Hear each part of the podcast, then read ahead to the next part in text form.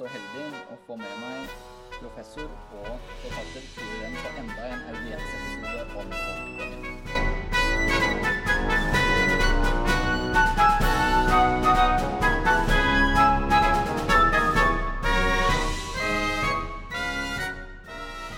Velkommen, Tore Rem. Takk for det. Velkommen tilbake, faktisk. Tusen takk for at jeg fikk komme tilbake. Og hvordan har arbeidet med bind to vært? Det har vært eh, omfattende, må jeg kunne si, selv om det da bare handler om fem år i kongens liv. Eh, men eh, morsomt Altså, det er Når krigen kommer, så blir det en annen type dynamikk i fortellingen, vil jeg si. Altså, kronologien tar over. Man eh, jages fra det ene til det neste. Så ja, morsomt, omfattende, krevende, men eh, jeg er glad for at jeg valgte å strukturere det på den måten. For det, det var jo et valg, at jeg skulle skrive et eget bind om Olavs krig. Ja, for denne boken er jo et, et viktig kapittel i livet til kong Olav. Og det kommer vi nå til å få høre mer om, da. For eh, du begynner jo med selve invasjonen eh, 9. april, hvor da Det tredje riket eh, invaderer Norge. Eh, hvor er det kronprinsen, da Olav, eh, befinner seg? Og hva er han gjør de første timene etter invasjonen? Ja, han øh, Mens faren er i Oslo Militære Samfunn på kvelden øh, 8. april, så holder Olav seg hjemme. Ja, det virker som han er litt mer engstelig urolig for hva som kan komme til å skje. Og så blir han vekka ut på natta, tidlig på natta, da, av øh, adjutanten Nicolay Nicolai Ramm Østgaard som ringer, ringer og, og forteller om uh, hva som er i ferd med å skje. Og da går han rett i militært operativt modus, vil jeg si. Så det er noe av det som karakteriserer Olav i disse tidlige krigsdagene, er at han, han blir offiser. Det er det han har drevet med, som jeg har forsøkt å vise i, i det forrige bindet. Det mest meningsfulle han har gjort på 20- og 30-tallet, bortsett fra å studere i Oxford det er å dra på militærøvelser og etterutdanne seg og videreutdanne seg osv. Og, så og når krigen kommer, så er han offiser. Da går han inn og, og blir uh, operativ. Uh, så det, det, de få vitnesbyrdene vi har fra Skaugen den natta, er at de tjenerskapet vekkes av en fyr som står der i uniform og gir kommandoer og beskjeder om at de skal gjøre det ene og det andre. og og som også blir observert nede i fyrkjelleren, hvor han driver og brenner papirer. Så han, han, tenker på ganske mange ting. Eh, og så avsluttes det litt sånn halvkomisk ved at han overrekker et gevær til hovmesteren eh, og sier ja, liksom sånn forsvar Skaugum. Hvorpå hovmesteren visstnok etter Olavs og kronprinsfamiliens avreise da raskt låser inn i safen og er livredd for å komme i kontakt med et sånt skytevåpen. Men, men fall det er det. det han tar tak, liksom. Han er, han er besluttsom, fremstår det som. Og det, det blir bekrefta gjennom felttoget, vil jeg si. Og da drar kronprinsfamilien til Slottet? Da drar de til Slottet, og der får de jo beskjed om da at, uh, at man skal videre med toget til Hamar i første omgang. Ja, for den, det er jo en ganske lang reiserute. Den, I hvert fall den første måneden, bare i resten av april. Eh, som da, det er Lillestrøm, Hamar, Elverum, Nybergsund, Åndalsnes og Molde. Eh, og den reisen bare i april eh, og Nybergsund må vi, kan vi snike inn at derfra så må de opp i Østerdalen, så må de ned i Gudbrandsdalen igjen. Og så er de jo i Gudbrandsdalen en stund da, før de kommer seg videre til Åndalsnes. Ja, så det er kron kronglete, kronglete rute. Nei, det er bare Jeg supplerer bare, hvis det er greit. Ja. Selvfølgelig, det er, det er veldig fint. Men, men, alle disse, eller mange av disse stoppene da, har jo stor betydning for norsk historie. Og da i hvert fall på Elverum, med, med Elverumsfullmakten. Men, men dette er jo jeg vil også legge vekt på min hjemby Hamar. Altså, ja. bare så det er sagt. Men uh, stortingsmøte, to stortingsmøter og ikke minst forhandlingene imellom. Um, og det er klart at bare det å komme seg videre er en utrolig viktig beslutning da. Uh, så er det jo også, apropos det komiske, liksom sånn, en, en ny kilde jeg fant av en stortingsrepresentants uh, dagbok, hvor han beskriver hvordan de halter og hinker disse, alle disse eldre mennene bortover til Hamar stasjon for å komme seg, komme seg til Elverum når alarmen går om at tyskerne nærmer seg. For, for disse dagene fremsto egentlig som viktigst for regjeringen, Stortinget og kongen. Men hva er kronprinsens rolle oppi det hele? Er det bare en støtte for sin far, eller er det en mer symbolsk rolle, eller har han en ja, det, jeg, jeg, tror støtte for sin far, men jeg tror noe av det jeg viser i, i denne boka, er jo at, uh, at den støttefunksjonen antagelig var mye viktigere enn det vi har tenkt. Uh, og det er ikke fordi jeg på alle områder er interessert i eller opptatt av å skrive opp og fram kronprinsen, men det er veldig tydelig at Håkon er mye mer sliten enn det i hvert fall jeg har fått inntrykk av i tidligere historieskriving. Det er noen kilder som bekrefter det. Noen som går veldig langt. Altså en veldig interessant kilde som først dukker opp i mitt materiale i Hambros dagbok uh, rett før jul i, i 44. Da møter han Høyre-statsråden uh, Sven Nilsen borte i London. Og så er Nilsen veldig bitter på kongen. Da, for han har vært eneste Høyre-statsråd i regjeringen og ikke fått så mye støtte når han har tatt dissens. Så kongen har på en måte fulgt Arbeiderpartiets linje.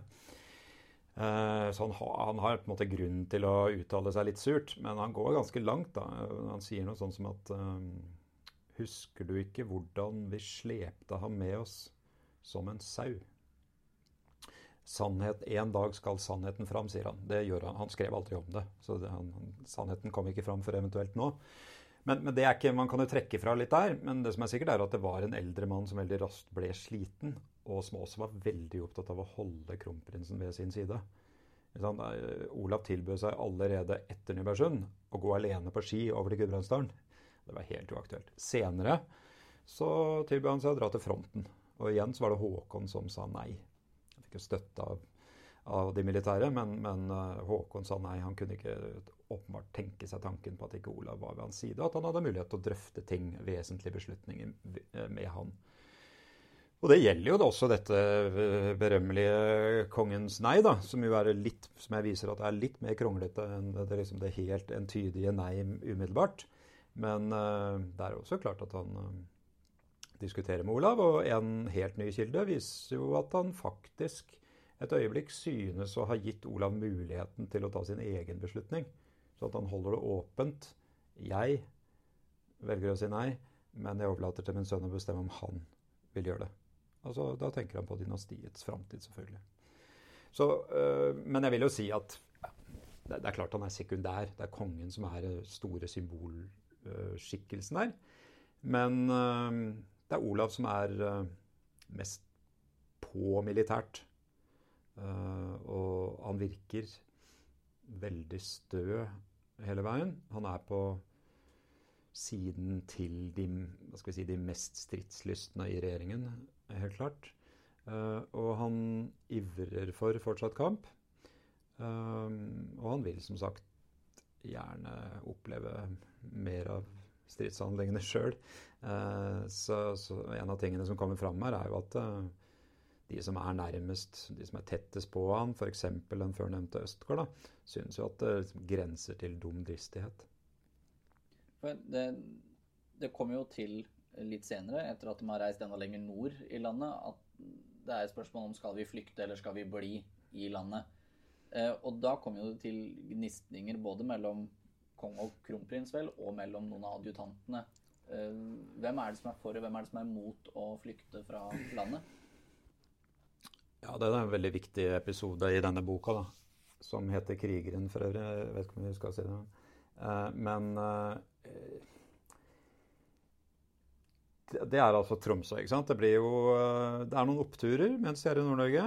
De bor jo Det er jo bisarr eksistens. Et hoff som holder til på en lita hytte inne i Indre Troms, Trangen. Uh, og oppturen er selvfølgelig gjenerobringen av Narvik. Da har de liksom tro på at dette kanskje går veien. Uh, I hvert fall at de skal klare å beholde Nord-Norge, det, det, frie Norge. Men så kommer meldingen om at de allierte vil trekke seg tilbake. Og det er en enorm skuffelse.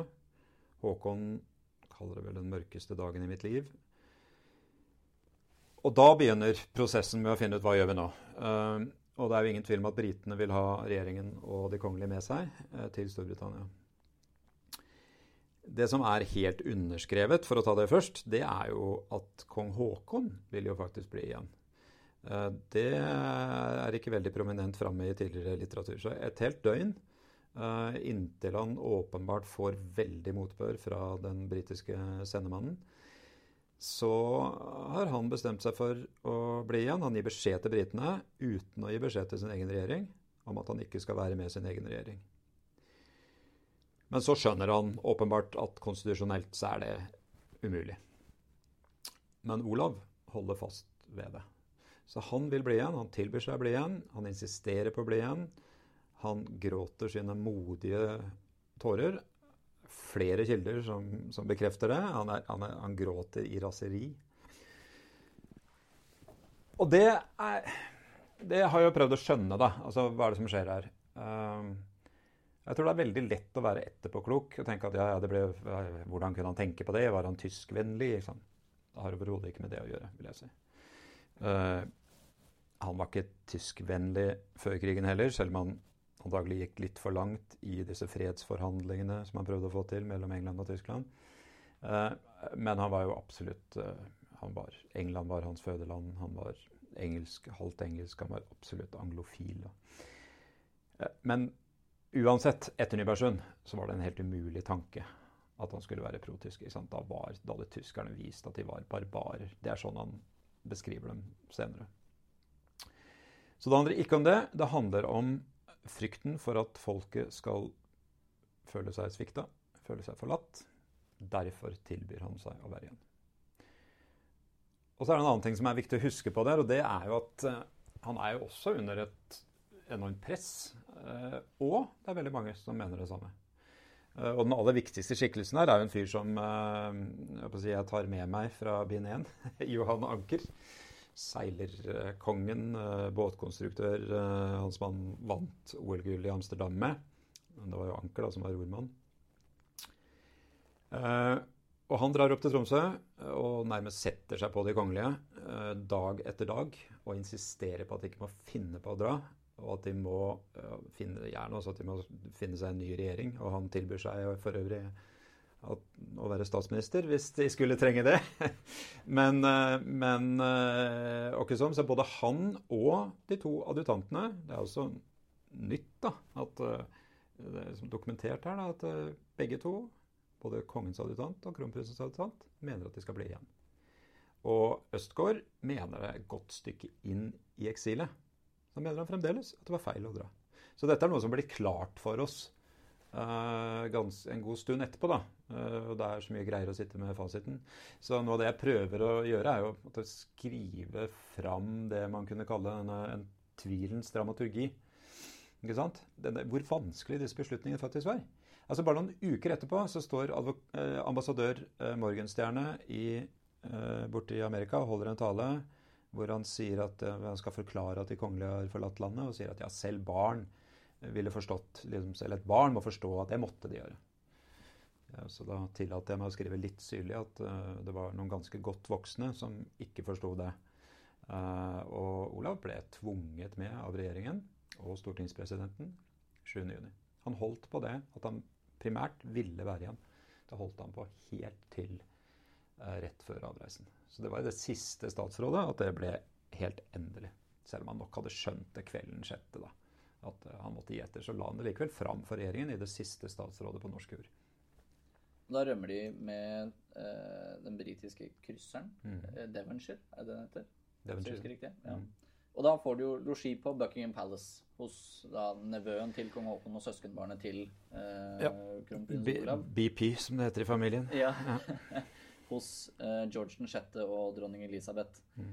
Eh, og der blir det jo en stund til vertskapets noenlunde irritasjon.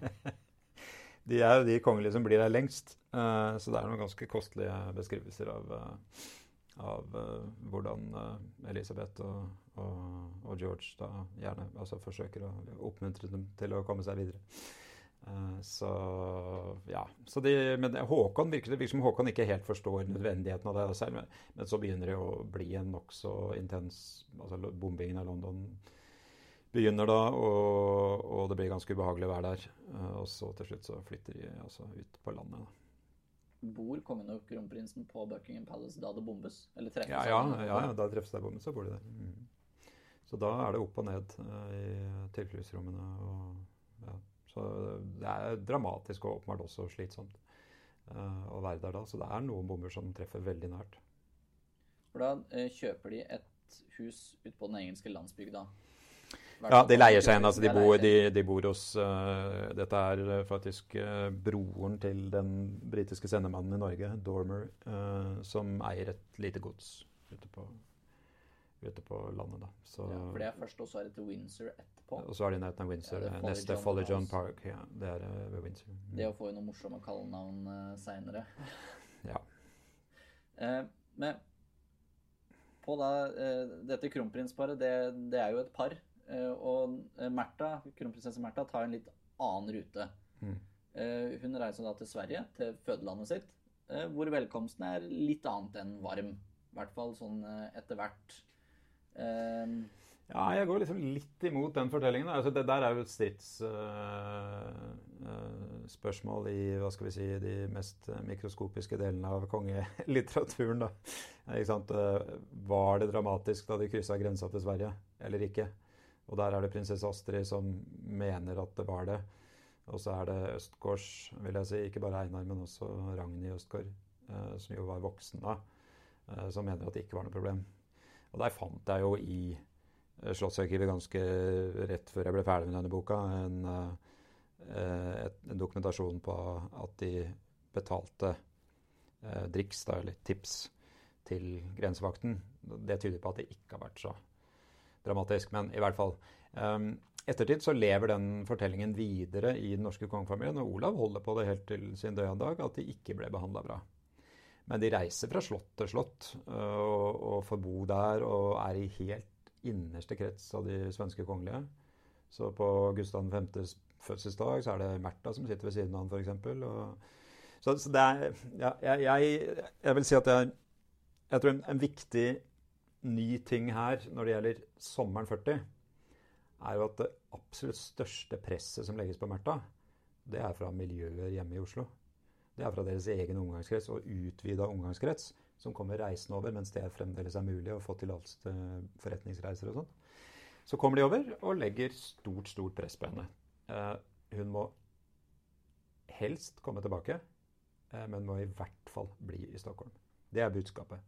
Og der det er også nye ting, da, men altså der, der går hun veldig langt i, i, i, å uttrykke sine ønsker og i å nøle i å etterkomme kongens og kronprinsens ønsker. For de sender jo da regelmessig liksom beskjeder fra London. Du må gjøre deg klar til å dra, du må dra, og så blir det jo klart at uh, de vil ha henne over til Amerika. da etter hvert. Men underveis der så er det fram og tilbake. Hun nøler, tviler, uh, er til og med villig til å dra hjem igjen. Og det er ikke umulig at hun er positiv til den, uh, litt den mest sensasjonelle planen da, om å gjøre Harald til en slags barnekonge. Eh, for å bevare dynastiet. ikke sant? Det er på et tidspunkt hvor det er masse mennesker rundt henne som mener at Tyskland kommer til å vinne krigen. Så jeg vil si ja. ikke sant? Det er ikke noe Hvis man igjen i ettertid vet at jo, det var riktig å dra videre, så er det klart at alle som la press på henne, vil jo være en slags negativ innflytelse. et, og det, gjelder også den svenske kongefamilien. Det gjelder også hennes foreldre, som hun da fortsatte å ha et godt forhold til etter krigen. Men, uh, men, de mente jo at det var best for henne og tryggest for henne å være der. Mens de kongelige i London ikke stolte på svenskekongen og var redd for at tyskerne også skulle okkupere Sverige. For eh, kong Haakon og kronprinsen har ikke noe godt forhold til Sverige etter krigen. Nei, det er eh, Altså nå er jo min eh, på å si, dayjob er jo ledet en forskningssatsing om Norden, så det interesserte meg litt spesielt, men, må jeg si. Men det er jo ganske juicy. Uh, det kommer jeg tilbake til i, i det siste, neste og siste bindet også. for det, det, er hat. Altså Håkon aller sterkest. Han kan bare ikke utstå sin svenske kollega. Eh, og interessant nok så bærer Olav det også med seg altså helt, helt, til slutt. Han snakker om det helt på slutten av livet. Eh, at de svikta. Og han kan uttale ganske krasse ting også på like etter krigen om, om Sveriges nøytralitet. Om hvor mye de har vunnet på å være nøytrale, hvor kyniske de har vært osv. Men da 28.8 så reiser kronprinsesse Märtha og barna til Mm. USA. Eh, og hvordan er eh, oppholdet deres i eh, da Washington eller i, eller i USA, da, Ja. generelt? Mm. For, for de, de er jo ikke bare i Washington, ikke bare ved Pooks Hill, Nei. men litt overalt. Ja, litt overalt. Men eh, først og fremst, eh, det tar jo litt grann tid før de etablerer seg. da Litt sånn senhøst, stille desember er det de flytter inn. Um, uh, I Pooks Hill, som da ligger rett uh, ved Washington. Uh, et ja, Hva skal man kalle det? Et lite gods, kan man kanskje kalle det. Um, eh, før det så er de oppe, oppe på østkysten. altså De er jo heldige, da, for da er det en norsk-amerikaner som tilbyr seg feriestedet, tilbyr dem å, å bruke feriestedet sitt. Så det, de holder seg i eh, Puxhill, bortsett fra ganske lange sommermåneder hvert år, hvor de har et feriested eh, lenger oppe på østkysten. Eh, og i tillegg så er det jo litt reising, først og fremst til Canada, til de norske styrkene der, og til flyverne der. Eh, og så er det mer reising på Märtha de gangene Olav kommer over. Det er altså litt viktig å legge vekt på. Da, for det, og det, det, da jeg gikk inn i dette stoffet, så, så tenkte jeg Og så ble de atskilt uh, gjennom fem lange år. Uh, og det er jo i hovedsak viktig. Men Olav reiste over til hver jul, eller i hvert fall rundt hver jul. Og det lengste oppholdet er vel nærmere fem måneder. Så det er liksom mellom tre og fem måneder stort sett av året så er han i USA med familien. Selv om han da gjerne jobber. altså Han og Märtha drar på propagandaturné og, og, og reiser til Canada og sånne ting. Så, men det er mer samvær enn det jeg hadde trodd. Uh, der har du også en sånn bihistorie, en parallellhistorie, som er interessant og verdt å tenke på. og Det er jo at uh, adjutanten han skilles jo også fra sin familie pga. krigen. Ja, fordi hans kone er jo Märthas hoffdame, Ragnhild Østgaard. Så hun tar med seg deres tolvåring Einar, og, og de blir atskilt gjennom krigen på samme vis som kronprinsfamilien blir det, fordi de tjener de kongelige. Ja, og det, det er en ting du legger mye vekt på, er de adjutantene da, i, i boka. Um, for det kommer fram i hvert fall uh, Østgård og eh, Nordli, da kongens adjutant, Osvald, Osvald Nordli. Mm. Uh, føl- eller tenker seg at kongen og kronprinsen lever ganske kjedelig i London. Det er, det er mye bridge på kvelden og røyking i samme slengen. Den daglige bridge Ja. som Nordli sukker om. Ja. Um, og her fremstilles kronprinsen på en lite flatterende måte, i hvert fall i noen Sånn som når han har vært på telefonen med Märtha og ja, det er en sånn ja, episode. Ja, helt eh, Jeg tror det er, eh, det er jo viktig å si først at dette er jo ikke, er jo ikke sannheten. Men eh, er, kilden her er jo eh, dagbøkene de sto, og brevene som går mellom Ragnhild og, og Nikolai. Eller Nico, som han kalles. Men det er noen sånne episoder.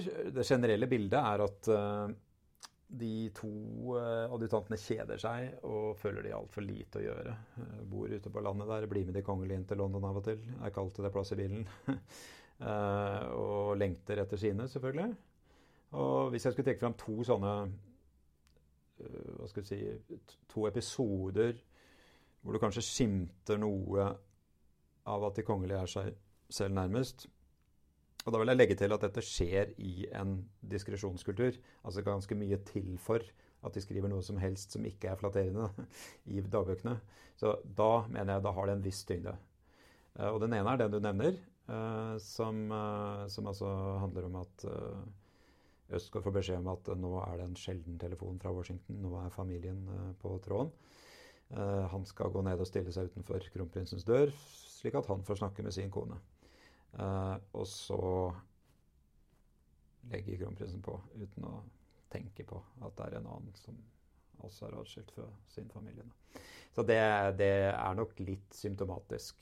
Uh, det, det tror jeg. Uten, igjen, det er en subjektiv opplevelse, selvfølgelig, men litt symptomatisk. En, en, en tilsvarende symptomatisk uh, erfaring for Nordli er jo at det går utrolig lang tid før kongen første gang spør hvordan går det med dine der hjemme i Norge? Eller på om det er, fall, om det er et år, eller om det er i hvert fall langt inn i oppholdet. da. At han første gang spør. Og Osvald Nordli er da atskilt fra sin familie, inkludert kona, pga. krigen. Så, så det er Du får jo noen du får jo et inntrykk av at de kongelige lever i en, en boble, selv om disse er så tett på. Så, og der kommer det noen sånne sukk og stønn uh, gjennom krigen. Og så er det veldig tydelig, selv om kildene er få, så er det veldig tydelig at uh, på et eller annet tidspunkt så skjærer det seg rett og slett mellom kronprinsen og hans adjutant. Altså det blir et veldig kjølig forhold. Og Østgaard er altså oppgitt over at han ikke får mer meningsfulle oppgaver. Det er jo også en, en episode hvor uh, Osvald Nordli er rimelig oppgitt over hans Majestet etter en bilulykke ja. hvor de kjører på en syklist. Ja. det skriver eh, Larsen om også, altså den ja. episoden der. Um, og uh, det er Ja, ikke sant Som en sånn sikkerhetsvurdering så kan det godt hende at det er strengt tatt formelt korrekt. Men han altså gir forbud mot at de skal gå ut av bilen, for han er redd for at noen skal oppdage at det da er kongen av Norge som har kjørt på denne mannen. Men han blir jo drept, da. Uh, så Nordli opplever det som en veldig sånn kulde. Mm. Men sant, det er én av mange sider ved, ved, kongen i denne boka. Men det er noen, det er noen sånne. Men eh, tilbake til, til eh, prinsesse, eller kronprinsesse Märtha mm. og litt den rollen som hun spiller i, eh, i USA. Ja. Eh, jeg eh, tenker ikke at vi går inn på så mye av alt dette som kom fram i Atlantic Crossing. Vi kan vel holde oss for gode for det. Uh, men, men det er jo et nært, nært, forhold uh, til ja, presidenten. ja, ja. er det en Tror du det er en del av eh, det å sende kong, eller kronprins Olav til USA over så lange tidsperioder? Da? Er det også for at han på en måte skal smitte litt over på han, eller har de også et nært forhold? Ja, det, nei, Historien her er jo at uh, de har åpenbart et uh, nært forhold, uh, som jo etableres i 1939, da de to er på USA-turné. Da møter de Franklin og Eleanor Roosevelt og tas imot av dem, og finner tonen veldig raskt.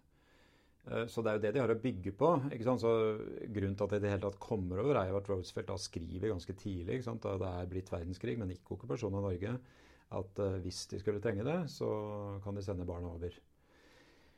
Uh, og resten av det er ja, jeg vil si mye mer Det er ikke, det er ikke kalkulert. Det er, det er heller sånn at Roosevelt gir Olav en unnskyldning til å kunne dra bort fra regjeringen og faren.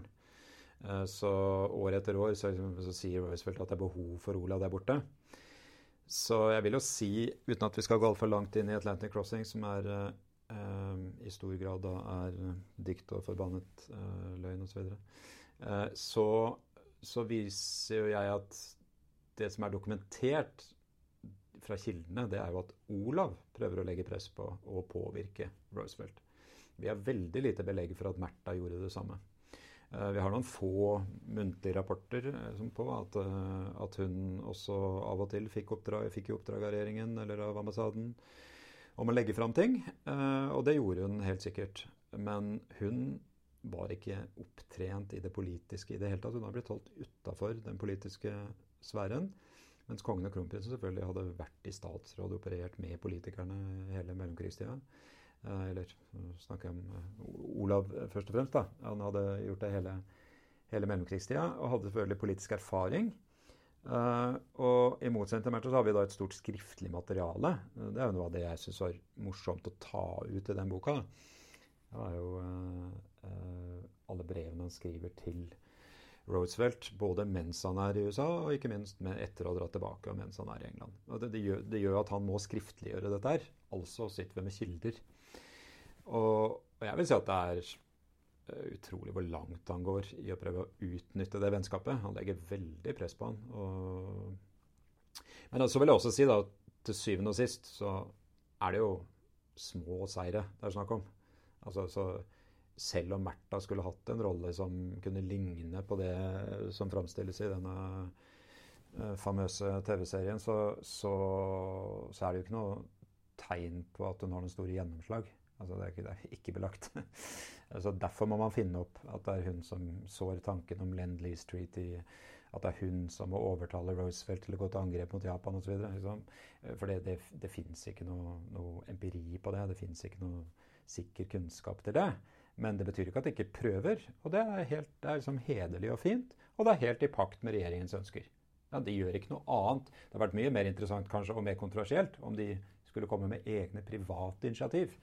Det gjør de ikke. De, de prøver å legge frem ting og være redskaper for uh, regjeringen.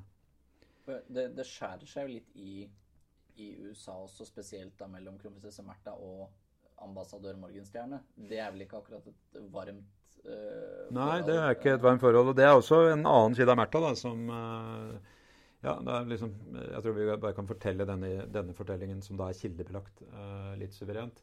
Uh, hvis man skal se hennes uh, gjerning der borte, så er det påfallende ikke at hun tar initiativ til å holde taler og drive propaganda. Det er det motsatte. Hun nøler. Hun motsetter seg. Hun er negativ til å brukes i propagandaen. og hun får støtte fra svigerfar, fra kong Haakon, på at hun skal slippe det. Så det er Olav som, når han kommer over, eh, holder store taler, reiser på store turneer, har Märtha med seg. Eh, så det er liksom hovedbildet her. At det er Olav som helt klart er den viktigste propaganda... Ja, skikkelsen skulle jeg si, altså den viktigste propagandisten innad i kongefamilien. Eh, propagandaskikkelsen kan man si at Håkon er fordi symbolsk, selvfølgelig. Så har han et enormt nærvær. Men ikke fordi han stiller opp stadig vekk. Olav stiller opp og holder taler. Og dette, det er veldig mye mer enn talende hjem. ikke sant? Det er masse masse taler i USA, og også i Storbritannia. Uh, og det er en mengde medieoppslag. Uh, og så kan man se at uh, på Märthas side så holder hun noen få radiotaler. Hun er med Olav rundt. Hun holder, det er noen få andre liksom, store arrangementer. men Look to Norway-talen er jo en triumf, selvfølgelig. Og der er jo Märtha viktig. og, men det er jo fordi hun representerer. Um, Antagelig var det Carl eh, Joachim Hambro som kom med den ideen. Og sent i livet så, så mente Olav at han hadde bidratt til talen.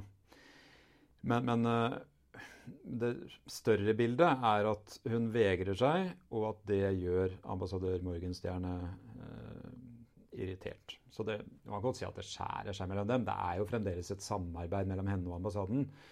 Og det finnes jo noen få kilder på at sant, hun brifes eh, av ambassaden. Men eh, det er kanskje Jeg syns ja, jeg, hatt én en kilde som jeg syns er minst like interessant, og det er Ole Reistad, som var leder uh, oppe i Canada, uh, som er veldig på Märthas side og syns hun brukes altfor lite. Som åpenbart ikke har skjønt at hun faktisk motsetter seg det sjøl. Og han er uttrykker på et tidspunkt ganske langt ute i krigen at han er sjokkert over hvor uinformert hun er.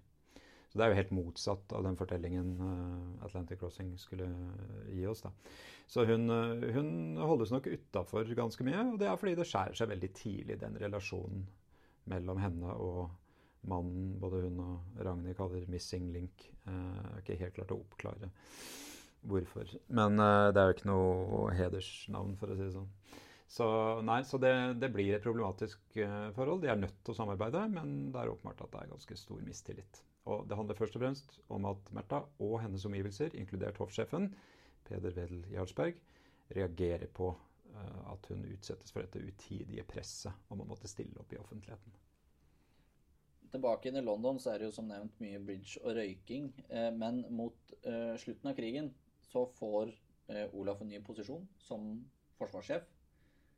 Er det her hvor han virkelig får brukt sånn på en måte i en, en offisiell Eh, hva er det du skal kalle det? En eh, Jeg står helt stille. Eh, en offisiell kapasitet, da. Ja, ja. Å være offiser. Mm. På en måte At han nå mm. finner den rollen ja. som han da senere skal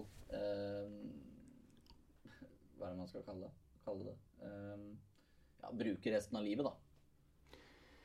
Ja, det er jo ikke riktig å si at det bare er bridge og røyking. For det ene er selvfølgelig statsråd og arbeid med regjeringa i London. Men eh, det andre er jo at han ganske jevne mellomrom da drar opp til Skottland, ikke minst. Og også på andre militærinspeksjoner.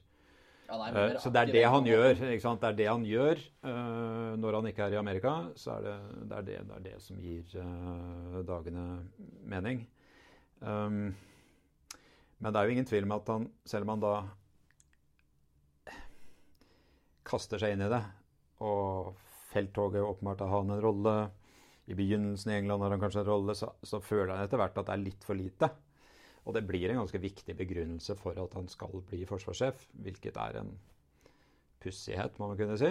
Eh, konstitusjonelt er det liksom uhørt. Det betyr jo eh, altså Man fant jo noen måter å omgå det på, men det betyr jo egentlig at en kongelig da skal stå under en politiker. ikke sant? Stå under, Rapportere til forsvarssjefen. Uh, men uh, etter mye intriger og mye spill uh, og Trygve Lie som aktiv i bakgrunnen her, så får de det til. Og kongen og kronprinsen ble åpenbart veldig glad for det. helt sentrale folk i regjeringen, inkludert Nygaardsvold, blir helt desillusjonert. Altså, de, des, altså de syns det er Hva er det Nygaardsvold sier noe sånt som at det er det, er det nedrigste Eller i hvert fall det, er liksom det verste han har vært med på av sånn renkespill i, i, sin tid som statsminister. Men da har det kommet så langt at de må gi etter.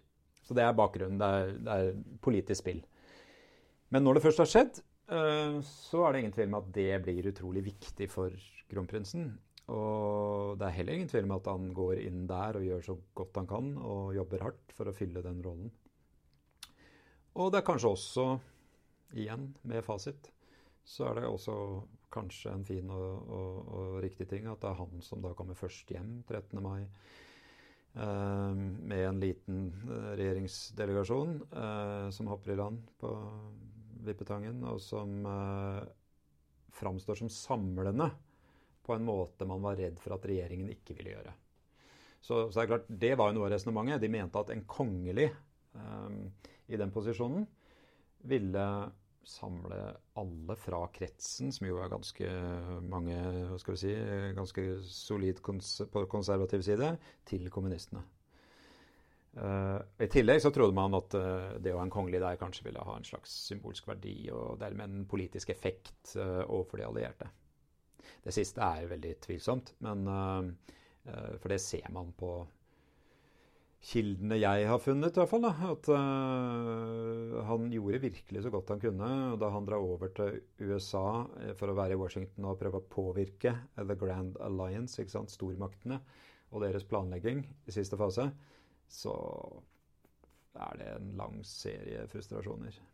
Han går og banker og banker på disse dørene og blir sendt videre, og det treneres. Og, og han, han får markert et småstatsperspektiv, men han får igjen relativt lite gjennomslag. Da. Men, uh, men, da gjør han det altså i kraft av å være forsvarssjef. Og dette er jo videre med, altså det kan vi Men ikke sant? for meg så er det Grunnen til å skrive et eget krigsspinn er én at det, du kan si, hele livet hans fram til dette her har vært jakten på en meningsfull rolle. Så kommer den. Og så er det disse fem dramatiske årene. Og så vil jeg si, for å gjøre det litt enkelt å ta den store fortellingen, så vil jeg si at resten av livet så forvalter han krigen. Det er noe det, er det viktigste han gjør. det er å, å forvalte krigen. Og, og uh, ja, jeg har ikke telt opp hvor mange krigsminnesmerker, uh, hvor mange avdukinger han foretar. Men det er helt enormt. Og så er det selvfølgelig hvert eneste krigsjubileum hvert eneste år. Så, uh, og så er det det at han forblir en militær Eh, jeg tror vi har lett for å glemme at uh, ja, han stilte veldig ofte opp i uniform. Uh, mine egne minner Jeg var regner jeg på, jeg var 23 år jeg, da han døde. Men mine minner av, av denne kongen er jo en sånn godslig bestepappa i blådressen. Men når du ser på bilder og film og sånt, så er det jo mye mer påfallende at han er i uniform. da. og og det er, en, det er en helt, helt sentral del av hans identitet. At han var militær, at han er militær. Han er veldig stolt av at han i årene før han døde var Norges eldste aktive offiser. ikke sant? Um, og selvfølgelig det han bidro med under krigen. Han må jo også ha vært en av de siste gjenlevende forsvarssjefene fra andre verdenskrig. Da, han, ja, ja, ja, da, ja, da. da, var han jo ja. det eldste statsoverhodet i verden. Ja. ja. han var han, han vant på de fleste, etter de fleste parametere. Så, så, så, vant han det. Mm. Det vi nå har pratet om, det er jo det som er de grove trekkene i ditt annet bind om kong Olav, som heter 'Kong Olav krigeren', mm. Eh, som er årene 1940 til 1945. Eh, jeg har jo lest det, selvfølgelig, ellers så kunne jeg ikke hatt den praten her. Eh, og likte det veldig godt. Så for alle som er både historisk interesserte og interessert i kongelige, så vil jeg så absolutt anbefale å, å lese den. Eh, Så da er jo det siste betimelige spørsmål da, hvordan går arbeidet med bind tre? Jo takk, det går eh, etter planen, heldigvis. Eh, Det dukker stadig opp noe småtteri og noe arkivting og sånn i siste liten, men jeg har pussa på faktisk et manus som nå er ute hos noen konsulenter. Så det er noen veldig dyktige historikere som leser nå, skal komme med tilbakemelding. Og så skal jeg integrere det og endre på det som må endres på. Og så håper jeg at eh, det siste bindet, som er hele kongegjerningen, skal være klart eh, på begynnelsen av høsten, eh, høsten 2022. Er det vel vi snakker om nå? Ja, Jeg kan jo si for min egen del at det gleder meg veldig. det er hyggelig. Så da vil jeg bare igjen si tusen takk for at du tok deg tid og hadde tid til å bli med i enda en audiensepisode om kong Olav. Og så snakkes vi igjen opp til høsten, da. Det hadde vært eh, hyggelig. Takk for at jeg fikk komme. Vi lyttes.